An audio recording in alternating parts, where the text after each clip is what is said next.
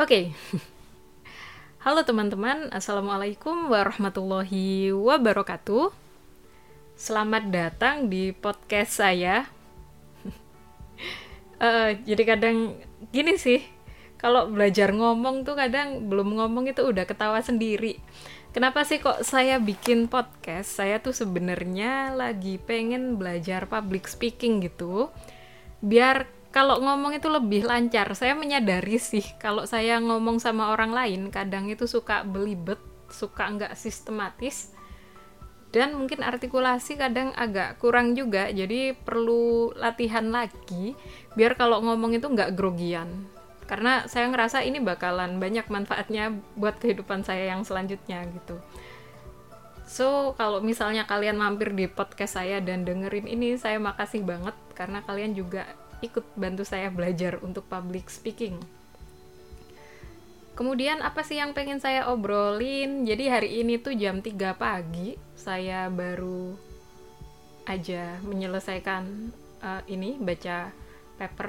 Kok kayak rajin banget ya? Nggak, nggak segitunya sih sebenarnya. Cuman karena tadi itu tidurnya awal banget jam 7 jadi jam 1 itu udah kebangun dan udah seger akhirnya saya baca paper buat dirangkum kemudian karena agak capek akhirnya saya latihan buat bikin podcast kayak gini. Terus bikin paper baca paper itu tujuannya apa? Jadi saya sekarang itu lagi nyiapin untuk sekolah S3 ini untuk temen-temen yang nanya gimana sih caranya jadi dosen? Ya jadi dosen ya kayak gitu sih. Kalian harus kuliah dengan baik habis itu ngambil S2 terus kalau bisa ngambil S3 habis itu daftar jadi dosen. Tapi ada juga yang kayak saya jadi dosen itu dengan ijazah S2 nah yang harus kalian latih adalah kemampuan kalian untuk research. Research itu sebenarnya apa? Research itu kemampuan untuk banyak sih kayak apa namanya memvalidasi masalah mencari informasi dengan baik kemudian menuliskan informasi itu dengan jelas hal-hal basic kayak gitu harus kalian pahami ketika kalian ingin riset. Selain itu kalian juga harus belajar tentang statistik dan metode penelitian itu harus dikuatin. Jadi kalau misalnya kalian itu masih semester 2 atau semester 3 itu coba deh deketin dosen kalian. Bukan dideketin buat minta nilai bagus gitu enggak. Tapi kalau bisa kalian nanya pak bu bapak sama ibu punya riset enggak? Kalau misal ada saya bisa bantu nggak. Soalnya saya pengen belajar riset. Kayak gitu pasti dosen kalian itu akan dengan senang hati sih open labnya buat kalian gitu. Terus apa yang saya lakuin sekarang? Jadi ceritanya background akademik saya itu sebenarnya teknik informatika. S1 teknik informatika S2 teknik informatika. Kemudian pas S1 itu ambil topik skripsinya itu tentang machine learning tentang kasus klasifikasi. Kalau misal ada kalian yang uh, familiar dengan machine learning, kalian mungkin tahu apa itu klasifikasi. Kemudian yang kedua di S2 tesis saya ambil topik tentang optimasi algoritma searching, optimasi algoritma pencarian. Jadi gimana caranya biar pencarian itu bisa berjalan dengan lebih cepat. Itu contohnya. Kemudian ternyata saya kan awalnya itu expect bahwa saya akan bekerja di bidang data science atau machine learning gitu ya. Tapi ternyata rezekinya adalah saya jadi dosen di jurusan teknologi game. Dan itu beda jauh banget. Game itu kalau kita belajar di sana yang kita pelajarin itu bukan sekedar programming tapi juga ada yang namanya game design. Ini kayak gabungan akhirnya antara ilmu sosial dan ilmu matematika programming gitu. Jadi ada social science-nya juga di teknologi game itu ada mata kuliah psikologi bermain itu juga sosial. Kemudian di game design itu kita juga harus punya banyak wawasan biar bisa mendesain game dengan baik gitu. Nah karena saya kerja di game saya itu juga lama-lama belajar tentang game edukasi. Nah, gara-gara ini saya juga jadi pengen memperdalam gitu loh, game edukasi itu seperti apa harapannya nanti bisa S3 di bidang itu. Karena background saya itu murni informatika, akhirnya saya harus punya sedikit wawasan tentang psikologi dan juga tentang pendidikan. Untuk itu kan saya nggak mungkin ya ngambil pendidikan formal lagi S2 dan S1 gitu nggak mungkin banget. Yang saya lakukan adalah saya kontak teman-teman saya yang kerjanya itu di pendidikan yang ngajar di bidang pendidikan dan psikologi kemudian saya diskus sama mereka kalau saya misalnya pengen belajar di bidang ini kira-kira saya mulai dari mana? Dari situ mereka ngasih advice ke saya saya perlu baca buku apa aja kemudian saya perlu baca paper apa aja. Dari situ kemudian saya baca pelan-pelan sampai saya sendiri bisa merangkum kemudian habis itu saya nyoba bikin satu saja pilot project yang kecil gitu yang bisa saya selesaikan dan saya terbitkan papernya setelah itu saya akan mencoba apply S3 di bidang apa namanya teknologi. Sorry di bidang game edukasi tadi. Jadi harapannya itu kalau kita udah belajar kan kita udah ada wawasan ya. Jadi pas kita itu ada interview sama uh, calon profesor gitu kita udah ada bahannya. Sebelumnya sih pas tahun 2013 dulu saya juga udah pernah sih uh, nyari lowongan PhD gitu. Cuman bidangnya waktu itu itu memang murni informatika. Saya bersyukur di situ saya belum berangkat karena ternyata setelah saya jalani profesi saya sebagai dosen saya lebih suka dengan bidang pendidikan. Jadi harapannya itu nanti saya bisa menggabungkan ilmu saya pas S1 itu dengan pendidikan jadi game edukasi cita-citanya seperti itu. Makanya saya sekarang lagi rajin belajar doain aja gitu ya. Terus sekarang itu tadi pembukaan ngalur ngidul. Sebenarnya apa sih yang ingin saya bahas? Saya itu pengen membahas tentang ritme kerja. Kenapa? Karena di inbox itu ada banyak pertanyaan tentang kak gimana sih caranya biar kita itu baca buku bisa sampai finish kemudian gimana sih caranya biar kita itu tidak terobsesi nonton drama Korea sampai selesai? Pertanyaan-pertanyaan kayak gitu tuh sebenarnya saya juga bingung sih harusnya jawab kayak gimana. Makanya saya bahas ini barangkali kalian juga dapat insight tentang itu gitu. Bagaimana caranya kita itu bekerja dengan ritme yang baik dan kita itu tidak terlalu terobsesi dengan produktivitas. Tidak terobsesi bahwa kalau misalnya uh, baca buku harus selesai kemudian kalau nonton drama Korea harus selesai besok itu juga. Bukan berarti saya ngajarin kalian kalau ngerjain sesuatu nggak boleh diselesaikan gitu enggak. Tapi sebenarnya ketika kita bekerja itu kita bukan cuman fokus ke goal tapi kita fokus ke proses. Karena dari proses itu ada hal-hal yang bisa kita perhatikan. Contohnya kayak manajemen energi gitu ya. Manajemen energi. Serius banget ya ininya. Apa namanya? Istilahnya. Karena gini emang kerja itu tentang manajemen energinya kita. Kita tuh manusia bukan mesin. Jadi otomatis fitrahnya manusia itu butuh istirahat. Kemudian kalau misalnya kita itu monoton otaknya fokus banget untuk hal tertentu aja itu kita akan gampang bosen dan akhirnya kita akan kehilangan kemampuan untuk berkonsentrasi kayak gitu. Itu saya alami banget sih. Jadi semakin saya bekerja saya itu menyadari bahwa saya tidak bisa greedy, saya tidak bisa serakah bahwa 24 jam yang saya punya itu semuanya harus digunakan untuk produktif. Itu nggak nggak masuk akal dan sangat serakah sekali gitu. Makanya yang saya tekankan adalah ketika saya itu ingin mencapai sesuatu justru yang apa namanya saya perhatikan pertama kali adalah waktu istirahat bagaimana kita memastikan bahwa kita itu punya istirahat yang cukup sehingga energi kita itu cukup untuk melanjutkan hari esok. Kenapa? Karena kehidupan itu maraton ya. Dia bukan sprint yang goalmu sampai terus kamu berhenti dan filmnya buyar gitu enggak.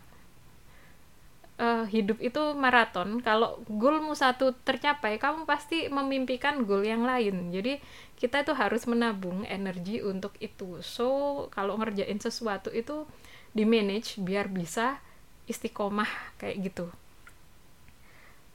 disiplin istirahat ini keluhan yang paling sering terjadi sih di dunia kerja banyak orang itu cuman mikir yang penting produktif sehingga kurang istirahat. Ya mungkin mereka itu emang hebat sekali sih. Ada yang temen saya tuh bisa fokus sampai berjam-jam. Saya sih nggak bisa kayak gitu. Dan mereka tuh bisa begadang sampai lama. Saya juga nggak bisa. Dasarnya itu nggak nggak bisa kayak gitu gitu. Jadi uh, kalau misal saya terpaksa begadang itu pasti kalau diajak ngobrol itu besoknya udah banyak nggak nyambung gitu. Karena saking pusingnya gitu kayak gitu. Jadi ya disiplin istirahat minimal tidur itu paling nggak itu 5 sampai 8 jam lah itu normalnya seperti itu.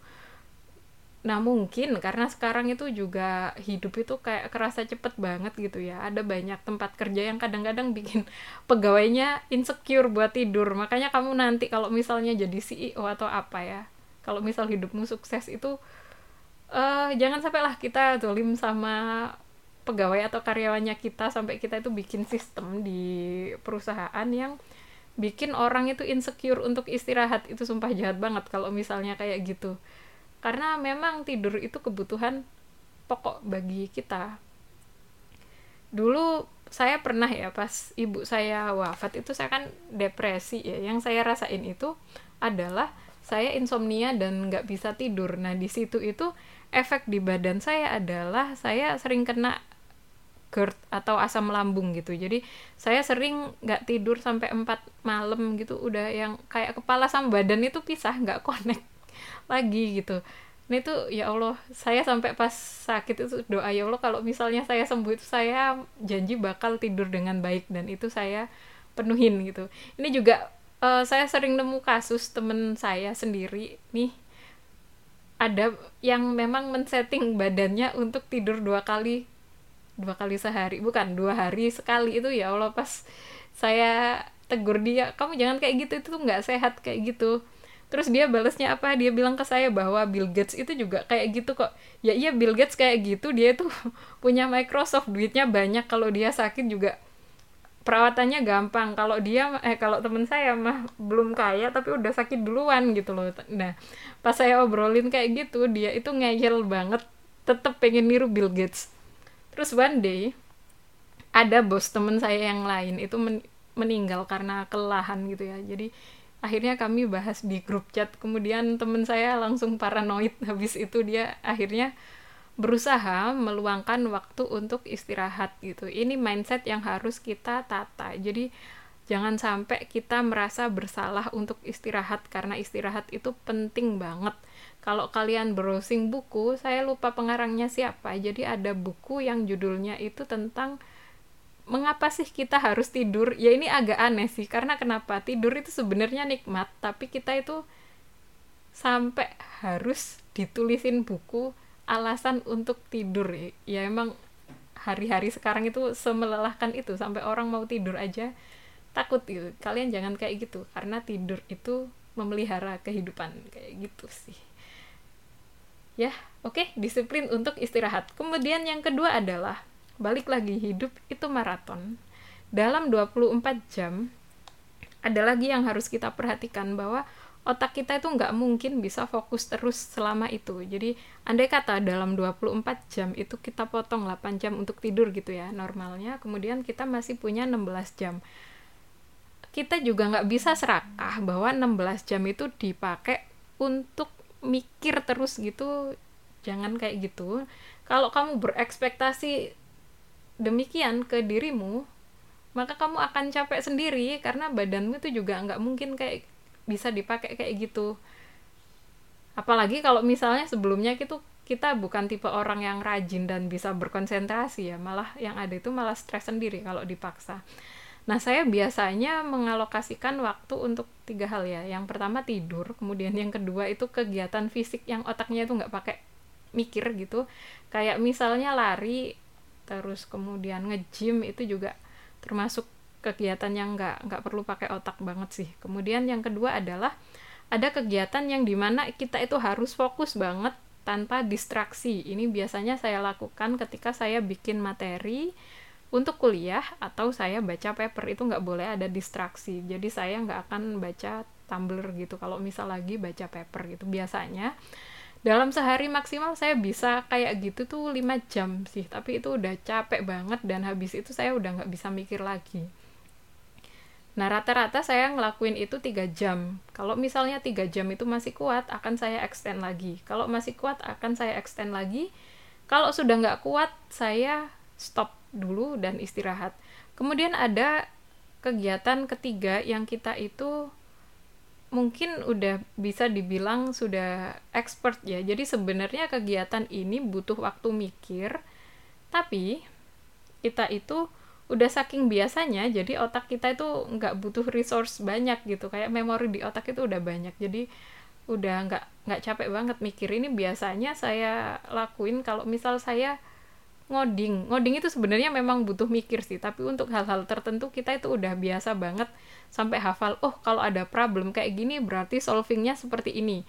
Itu nggak pakai nggak pakai mikir lama akhirnya bisa gitu. Jadi eh, biasanya nih kalau misalnya ada kerjaan dalam satu hari yang saya prioritaskan untuk diselesaikan lebih dahulu adalah kegiatan yang butuh mikir panjang, butuh energi banyak. Ini sama kayak kalau misalnya kita ini ya, kita apa namanya uh, nge-gym itu biasanya kalau main beban yang berat dulu baru habis itu agak-agak ringan nggak apa-apa gitu. Jadi saya kayak gitu, yang berat banget dulu. Kalau misalnya udah selesai beratnya, saya baru move ke yang nggak pakai mikir tadi gitu.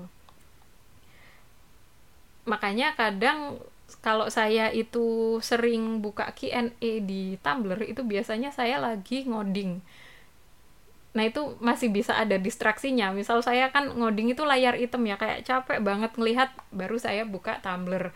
Kalau misalnya buka Tumblr nggak nyembuhin, saya tetap nggak bisa fokus. Biasanya saya keluar bentar, entah itu ngopi, makan snack kayak gitu. Jadi sebenarnya ngopi, makan snack, makan itu juga hal yang kita butuhkan saya sendiri sering defisit kalori tapi makan saya tetap banyak. Caranya gimana? Caranya adalah kita itu pelan-pelan belajar. Nggak harus kamu itu langsung ngelis banyak makanan gitu nggak. Jadi kalau misal kita grocery shopping nih kita tuh baca ingredientsnya makanan dan jadi tahu oh ini ternyata ada loh makanan yang kita itu suka tapi kalorinya dikit gitu. Kayak misalnya kopi itu ada kopi-kopi yang dia itu kalorinya tuh setengahnya kopi yang lain. Saya bukan tipe orang yang bisa minum espresso sih. Kayak espresso itu kan pahit banget.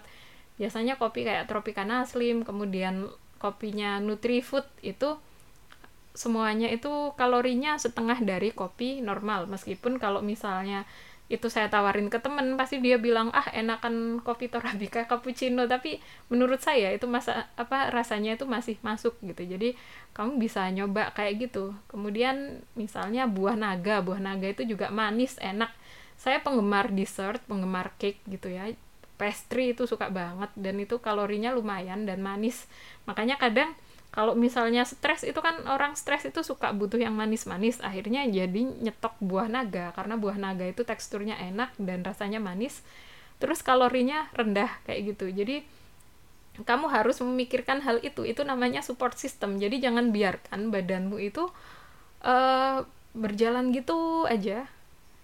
Sampai tiba-tiba sakit karena kamu nggak maintain. Itu harus dipikir. Jadi selain disiplin istirahat kamu harus bisa memilah pekerjaan mana yang butuh tenaga banyak pekerjaan mana yang butuh tenaga dikit pekerjaan mana yang nggak butuh mikir gitu. Dibanding bikin to-do list yang banyak saya lebih suka kayak gitu sih. Jadi dalam dalam sehari biasanya nih saya itu kan meskipun saya sering bilang jangan lembur gitu ini juga juga contoh yang nggak nggak baik juga sih. Tapi saya ceritain aja nggak apa-apa. Jadi saya sering di lab itu sampai jam 8 malam soalnya di lab itu enak sih karena di sana kan juga internetnya kenceng kemudian kalau Surabaya panas itu juga ada AC-nya. Sesederhana itu alasannya. Jadi saya kadang di lab itu sampai jam 8 malam. Kemudian biasanya sekitar jam 7 pas mau pulang itu saya nge-review dalam sehari itu saya ngapain aja kemudian saya catat oh ternyata yang udah done udah selesai itu ini ini ini ini. Dari situ saya bisa refleksi diri sih oh hari ini kok kerjaannya yang saya selesaikan ringan-ringan aja kira-kira kenapa ya? Oh ternyata pas pagi saya udah uh, memulai pagi dengan rapat yang sangat exhausted. Jadi kalau misalnya pekerjaannya banyak yang nggak selesai saya akan memaklumi diri sendiri kemudian memikirkan strateginya. Kalau misalnya nanti ketemu rapat lagi saya harus kayak gimana ya? Karena kan memang kalau kita itu kerja udah fix di field tertentu di bidang tertentu itu pasti akan banyak kejadian yang berulang. Jadi kita itu memang harus pelan-pelan bisa mengembangkan naluri kita untuk mengenali pattern itu. Jadi jangan sampai kalau kita itu ada kegiatan yang berulang itu cara kita mentreatmentnya itu sama-sama aja. Itu artinya kita juga belum berkembang. So kalau misal kamu pengen mengembangkan diri yang kamu lihat itu jangan sekedar to do listnya tapi kita pelan-pelan bisa kita harus pelan-pelan belajar tentang prosesnya. Gitu sis bro. Oke lanjut kita ke topik selanjutnya. Again bahwa hidup itu maraton. Nah dengan prinsip hidup maraton yang kita pikir yang kayak gini kita tadi udah dapet bahwa dengan hidup maraton kita harus bisa belajar memanage energi kemudian kita harus belajar untuk memaintain badannya kita.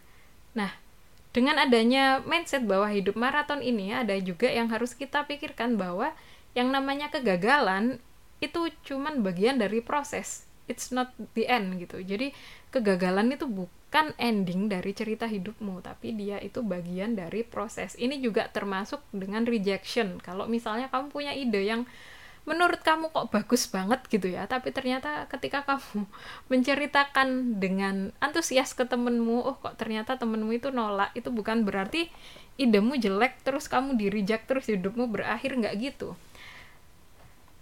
Di awal saya mengalami rejection itu saya sedih banget. Tapi lama-lama di dunia kerja itu kita akan mengalami banyak hal, banyak rejection. Memang ada rejection dari orang-orang yang toxic banget dan dia itu nge-reject ide kita, kemudian ngerendahin kita, ngeremehin kita itu ada. Tapi lebih banyak lagi rejection itu kadang dari orang yang lebih bijaksana dari kita sehingga kita itu bisa dapat point of view yang baru gitu. Nah, setelah saya itu belajar untuk nerima si rejection ini tadi, saya juga jadinya pelan-pelan juga bisa ngebuka kepala gitu loh. Bisa ngebuka pola pikir saya bahwa ketika kita itu uh, ngebawa ide ke orang kita itu jangan terlalu berambisi bahwa idemu itu akan diterima. Tapi kita berharap bahwa orang yang kita curhatin itu bisa ngasih point of view yang lain sehingga uh, sudut pandang kita itu berubah dan mungkin mungkin ide kita itu akhirnya ketolak sih. Tapi yang namanya ide itu kan biasanya kita ada ide itu biasanya hadir untuk menjawab suatu masalah. Nah, kadang-kadang ide kita itu memang tertolak, tapi di sisi lain kita bisa memahami masalah yang kita hadapi dengan cara yang lebih komprehensif. Jadi sehingga kita bisa nge-generate ide tentang solusi yang lebih baik lagi.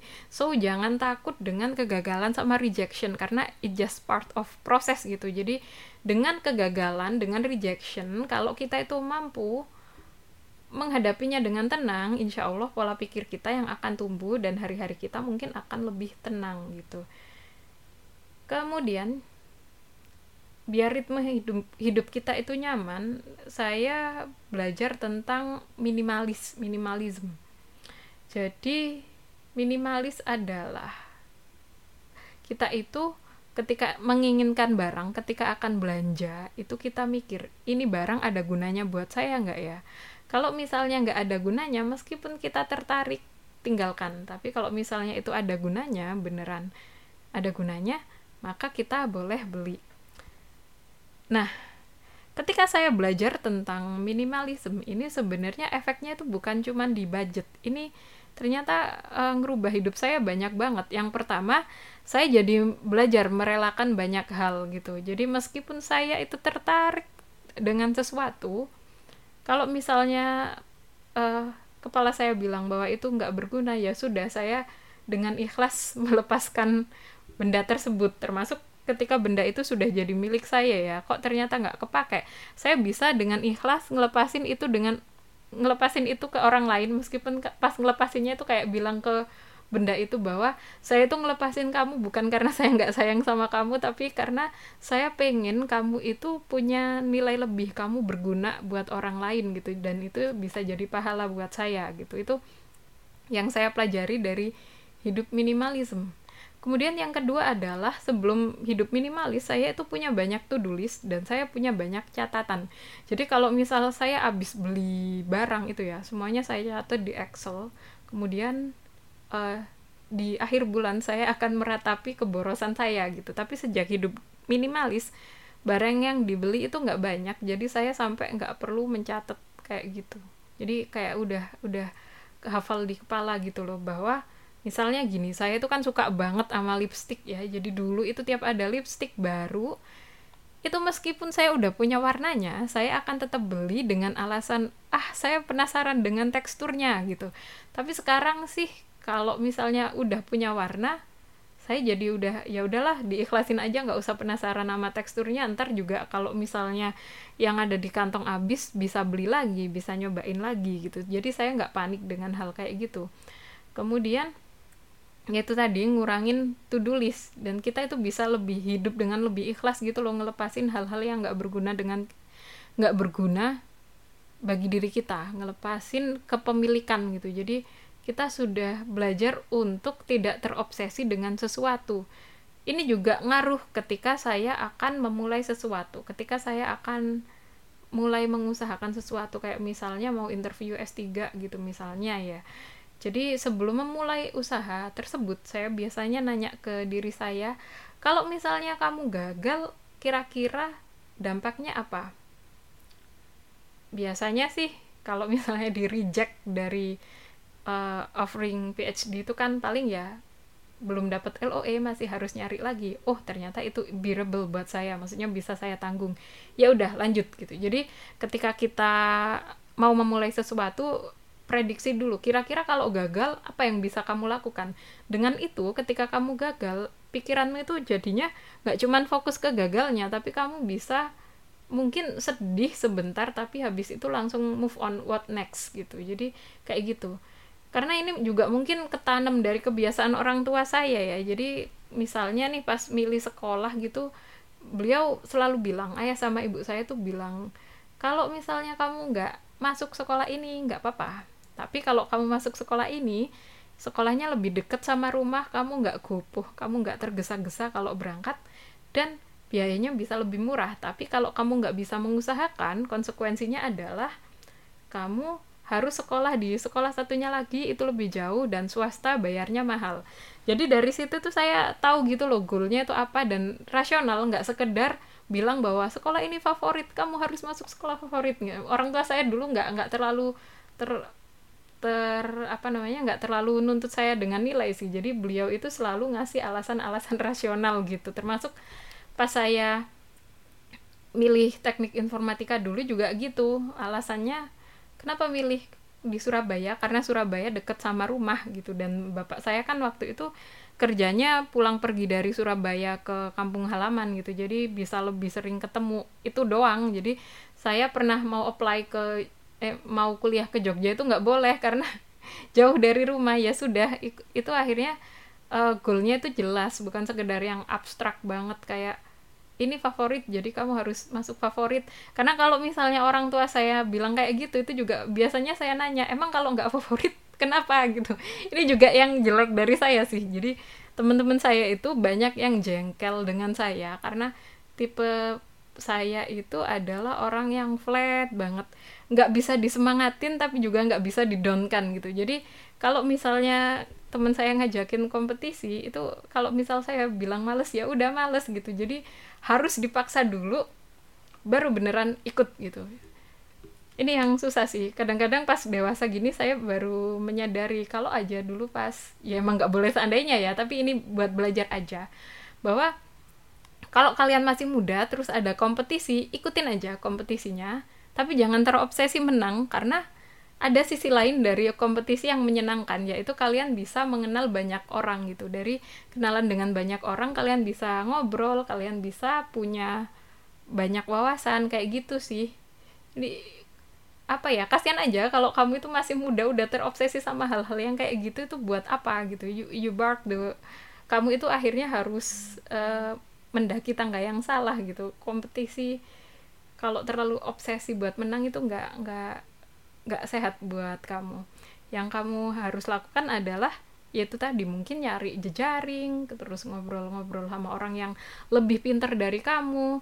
Dengan terbiasa seperti itu kamu juga jadinya punya self esteem yang baik gitu loh. Dalam artian ketika kamu itu dalam satu ruangan kok ternyata bodoh sendiri saya sering mengalami hal kayak gitu. Itu kamu nggak minder tapi kamu malah happy. Kenapa? Karena kamu oh di sini saya nemu temen banyak dan saya bisa belajar dari dia. Itu yang saya rasain akhir-akhir ini dan saya senang banget dengan teman-teman saya karena saya ternyata bisa belajar dari mereka dengan baik. Apa yang saya pelajarin dari mereka itu bukan pelajaran kuliah atau apa ya kadang kami diskusi tentang topik-topik riset gitu tapi di sisi lain saya juga jadinya detil memperhatikan karakter mereka dan saya kadang seneng aja kalau nemu orang yang karakternya itu baik banget gitu. Dan itu mungkin kita bisa adopsi dan sehingga bukan berarti kita langsung jadi orang lain gitu enggak. Tapi kita bisa memperbaiki karakter kita itu pelan-pelan. Jadi dengan mindset yang kayak gitu kita akhirnya nggak takut gagal dan nggak takut kelihatan bodoh. Karena menjadi bodoh di dalam satu ruangan itu sebenarnya mengasihkan juga. Kita bisa nanya banyak hal ke orang yang lebih pintar dan kita bisa dapat sudut pandang yang lebih bijaksana dari orang yang lebih bijaksana dari kita. Kayak gitu. Kemudian apalagi ya? Kita juga harus belajar mempersiapkan kegagalan. Ini udah disebutin sih sebenarnya tadi. Cuman ada satu hal juga yang kadang ini juga jadi perdebatan antara saya dengan temen saya adalah uh, kadang saya dinilai sebagai orang yang sangat pesimis. Sebenarnya sih enggak ya. Jadi contohnya misal gini. Ini agak pahit juga sih pengalamannya. Pas ibu saya itu sakit kanker stadium 4 waktu itu itu dokter kan bilang bahwa beliau sudah tidak punya strategi perawatan untuk kuratif. Jadi perawatan itu kan ada perawatan kuratif yang sifatnya itu mengusahakan agar pasien itu sembuh, kemudian ada perawatan paliatif yang sifatnya itu mengusahakan agar pasien nyaman dengan kondisi sakit tersebut gitu. Nah, si nah dokternya ibu saya itu bilang bahwa beliau sudah tidak punya strategi untuk pengobatan kuratif, tapi beliau akan mengusahakan dengan baik terapi paliatif untuk ibu saya. Di titik itu, saya itu menyadari bahwa uh, ketika ada terapi paliatif, yang harus saya siapkan adalah mental yang kuat. Barangkali ternyata sewaktu-waktu saya harus berpisah dengan ibu ketika saya menjelaskan itu ke orang-orang di sekitar saya itu banyak yang bilang udah kamu harus berharap yang terbaik gitu. Nah sementara saya bilang uh, sunatullahnya kalau misalnya sakit kanker stadium 4 itu konsekuensinya ya memang umurnya tidak lama. Kemudian ada lagi yang bilang kamu jangan berputus asa dengan uh, apa namanya jangan berputus asa terhadap rahmat Allah. Akhirnya saya bilang saya tidak berputus asa dengan rahmat Allah tapi saya berusaha memahami hukum sebab akibat gitu. Agar saya bisa menyikapi takdir dengan cara lebih proporsional. Ini yang kadang saya sulit menjelaskan. Kenapa? Karena gini loh sebenarnya kan ya sebagai hamba itu kita memang berharap keajaiban gitu kadang-kadang bukan keajaiban ya berharap kehendak Allah takdir Allah yang mungkin sedikit berbeda dengan hukum alam gitu kita biasa mengharapkan itu tapi sebagai hamba juga saya itu menyadari bahwa hukum alam hukum sebab akibat itu sebenarnya diciptakan sama Allah biar kehidupan manusia itu bisa lebih mudah. Logikanya bagaimana? Andai kata uh, hukum alam itu tidak konsisten, tentu kita akan kesulitan belajar tentang fisika gitu. Andai kata misalnya ada mendung, kemudian kamu berdoa, ya Allah jauhkan hujan gitu. Kemudian tiba-tiba dari mendung itu kok nggak jadi hujan dan pokoknya maksudnya kita itu berdoa terus tiba-tiba nggak hujan tiap berdoa tiba-tiba nggak hujan gitu kita jadi nggak tahu ini mendung akan jadi hujan atau tidak gitu. Makanya ada yang namanya itu tadi. Ini dari uh, apa namanya dari bukunya Syekh Asalabi sih bahwa memang Allah itu menciptakan sunatu sunatullah atau keteraturan biar hidup kita itu lebih mudah biar kita itu bisa lebih mudah memprediksi gitu. Dan lebih mudah memitigasi kalau misal ada bencana seperti itu. Jadi ketika kita bicara tentang logika itu sebenarnya bukan kesombongan kita sebagai hamba tapi bentuk rasa syukur kita untuk mengenali bagaimana Allah itu ngasih anugerah ke kita berupa alam yang dia itu sudah teratur gitu. Jadi saya menjelaskan itu waktu itu dan memang ternyata uh, ternyata benar gitu. Jadi pas ibu saya wafat itu waktu itu saya kan pas dikasih tahu bahwa perawatan yang tersedia itu cuma paliatif saya tuh nangis di situ. Tapi ketika ibu saya wafat di hari H ketika semua orang itu nangis saya itu mampu gitu loh ini apa namanya berdiri dan merawat jenazah ibu sampai selesai.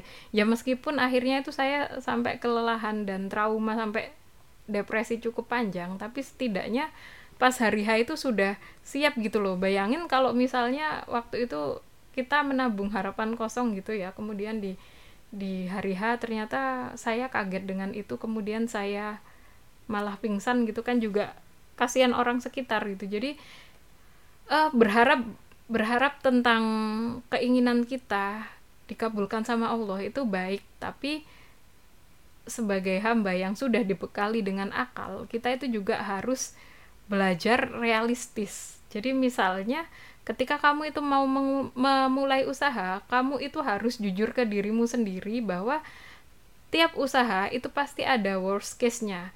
Kamu nggak bisa memulai usaha dengan pokoknya harus best case itu nggak bisa. Kamu harus menyiapkan worst case-nya dan kamu harus menyiapkan juga apa yang akan kamu lakukan ketika worst case itu terjadi gitu. Ini juga sering jadi bahan kritikan dari teman-teman saya ke saya bahwa kalau kamu kayak gitu akhirnya kamu itu usahanya tidak maksimal gitu itu menurut saya sih itu urusan lain sih maksudnya bagaimana kita memaksimalkan usaha dengan bagaimana kita berpikir tentang mitigasi resiko. Nah, di sini tuh akhirnya saya kadang-kadang diskusi banyak sih dengan teman-teman saya. Makanya saya kadang saya pernah nulis tentang saya dan dua teman saya yang mindsetnya itu jauh beda.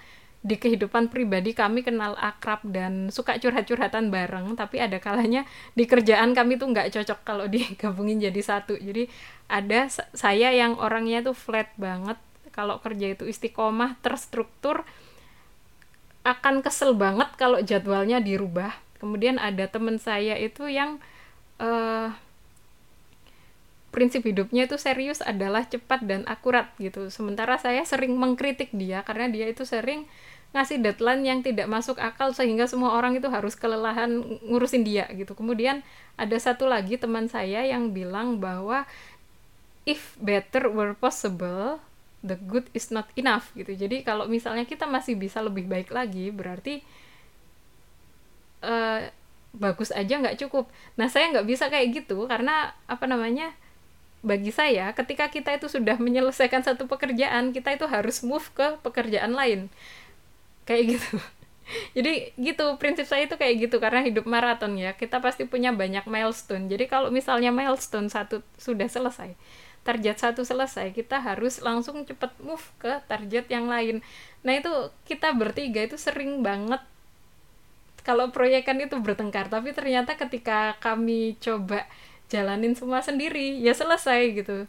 Makanya kadang-kadang kami penasaran gimana ya kalau kita itu garap project baru lagi? Terus saya kayak kalau diajak ah, udah udah saya ogah bertengkar sama kalian jadi mendingan saya kerja dengan cara saya sendiri gitu. Cuman dari mereka itu saya belajar banyak juga sih.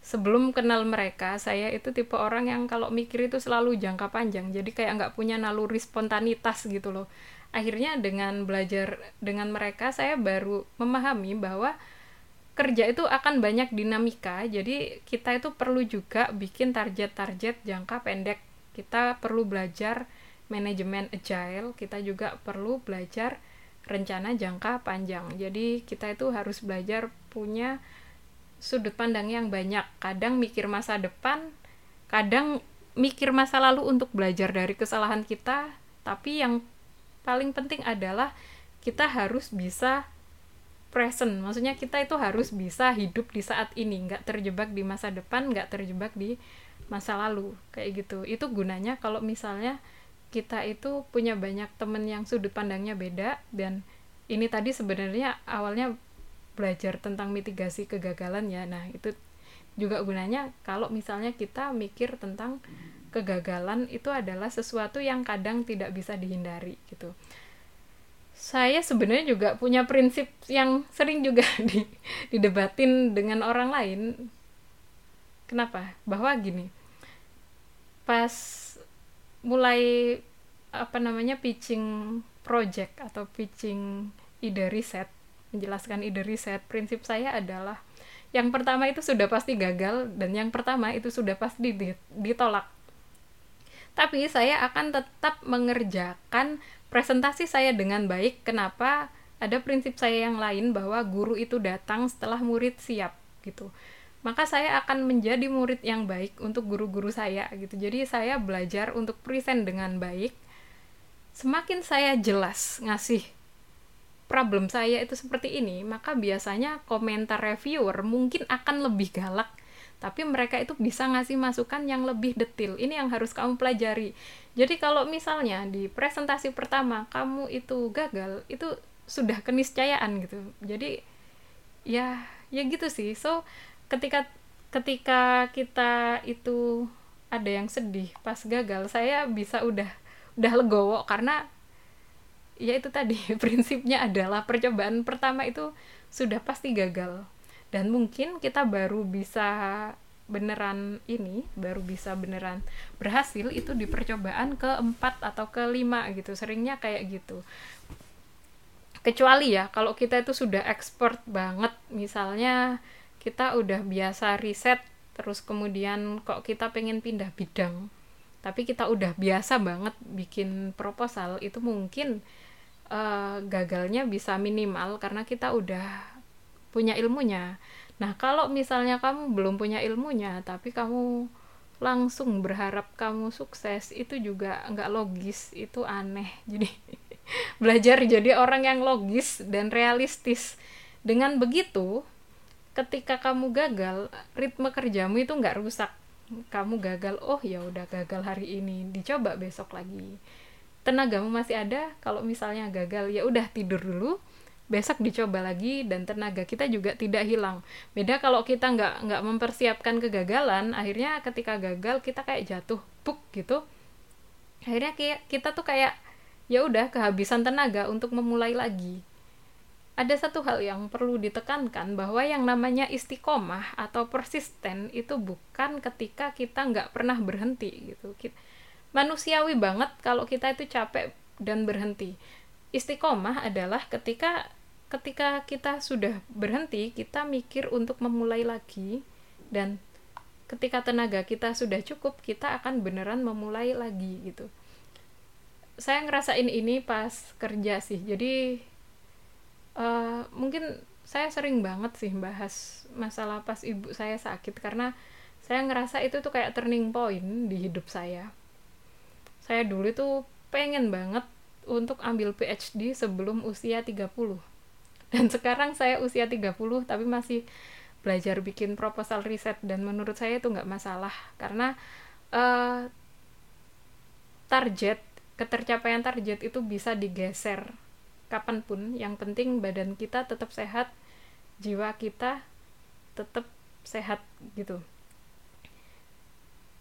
ini tadi sampai mana? Ya itu tadi tentang persistensi tadi. Jadi ketika ibu saya sakit itu kan kami memang bukan dari keluarga yang uh, paham tentang literasi keuangan ya. Jadi nggak pernah memperhitungkan asuransi padahal asuransi itu uh, bermanfaat sekali. Jadi dulu sebelum saya kenal asuransi saya pakai BPJS sih nggak pakai asuransi aneh-aneh. Sebelum saya kenal BPJS itu kalau misalnya terapi ke psikiater itu biasanya bayar sendiri dan lumayan mahal tapi dengan pakai BPJS itu ada keringanan gitu bisa gratis dan ada obat-obat yang digratiskan gitu. Karena kami tidak punya asuransi pas ibu saya sakit ya namanya sakit kan sakit kanker itu ada operasi ada kemo. Itu butuh banyak banget biayanya sampai keluarga saya itu sebenarnya bisa dibilang orang tua saya itu termasuk saya berhati-hati banget dalam gaya hidup. Saya bukan tipe orang yang pelit banget bukan orang yang sanggup menderita. Dalam artian makan itu itu itu mulu itu nggak bisa. Tapi saya biasanya nyari duit sendiri biar bisa makan agak enak gitu. Tapi kami tidak pernah berhutang untuk hal-hal konsumtif. Jadi nggak pernah. Bisa dibilang sebelum ibu sakit itu saya nggak punya hutang sama sekali gitu. Jadi hutang pertama saya itu pas ibu sakit dan itu langsung gede dan saya sampai agak stres juga dengan itu gitu. Di kondisi seperti itu saya awalnya masih kayak stres banget aduh kayak kalau kayak gini PhD saya gimana? gitu. Tapi akhirnya saya dengan tenang ya sudahlah ikhlas aja PhD-nya nanti yang penting sekarang kita gimana caranya ngumpulin duit itu aja lah gitu. Jadi akhirnya saya selain ngajar itu sempat ambil freelance bentar buat apa namanya nyari tambahan biaya buat bayar utang itu. Ah, alhamdulillah sekarang sih udah tinggal dikit sih. Cuman di situ tuh uh, proses saya dalam ngurusin PhD kan akhirnya harus pause harus berhenti gitu. Belum lagi setelah ibu saya wafat itu kan saya depresi ya jadi akhirnya saya juga nggak bisa nggak sanggup buat kerja freelance karena saya memilih untuk berhenti total ngajar doang biar saya itu punya banyak waktu untuk menyembuhkan diri untuk recovery. Nah, setelah itu, setelah saya merasa sudah cukup sehat, saya balik lagi ke cita-cita saya yang awal bahwa saya ingin ngambil PhD gitu. Meskipun ini juga masih bimbang apakah PhD-nya itu di eh, sini-sini uh, aja ataukah PhD-nya itu di mana tadi? PhD-nya itu di luar negeri itu juga masih saya pikir. Nah untuk hal-hal jangka panjang ini eh, kita harus persisten dan persisten itu butuh stamina. Makanya kamu jangan apa ya jangan terlalu terobsesi ini harus selesai itu harus selesai. Ini balik lagi ke pertanyaan awal dulu. Gimana sih caranya kita baca buku sampai selesai? Gimana sih caranya kita itu nggak terobsesi sama Korea? Ya simple sih. Kalau misalnya itu nggak selesai kamu baca ya sudah biarkan saja. Yang harus kamu selesaikan itu pekerjaan yang emang sudah amanah kamu untuk hal-hal yang sifatnya uh, opsional kayak gitu sifatnya hiburan kayak gitu jangan dikasih obsesi lah. Kalau kamu untuk hiburan aja terobsesi ya gimana hidupmu nggak pusing gitu. Saya biasanya baca buku tuh kalau udah bosen ya ditaruh. Kemudian kadang saya ingat oh buku ini belum saya selesaikan. Saya akhirnya baca lagi kalau bosennya hilang. Gitu juga dengan drama Korea ya. Korean drama itu kan 16 episode. Ya nggak mungkin juga sih saya nggak bosen dengan semua episodenya nonton Reply 1988 yang bagus aja itu saya berhenti di episode 5 baru kemudian ngelanjutin pas saya inget kalau story kalau si drama Korea itu belum saya lanjutin jadi kayak gitu jangan terlalu terobsesi untuk menyelesaikan buku, tapi yang penting adalah bagaimana kamu itu menumbuhkan curiosity dan menumbuhkan kebiasaan untuk membaca. Itu aja sudah cukup, jangan terobsesi gitu. Kayaknya cukup itu dulu sih. Nanti kalau misalnya ada pertanyaan di inbox dan menarik untuk dibahas, akan saya bahas lagi di podcast dan semoga di podcast selanjutnya obrolan saya juga bisa lebih terstruktur sehingga yang denger juga lebih nyaman. Itu dulu dari saya. Terima kasih. Assalamualaikum warahmatullahi wabarakatuh.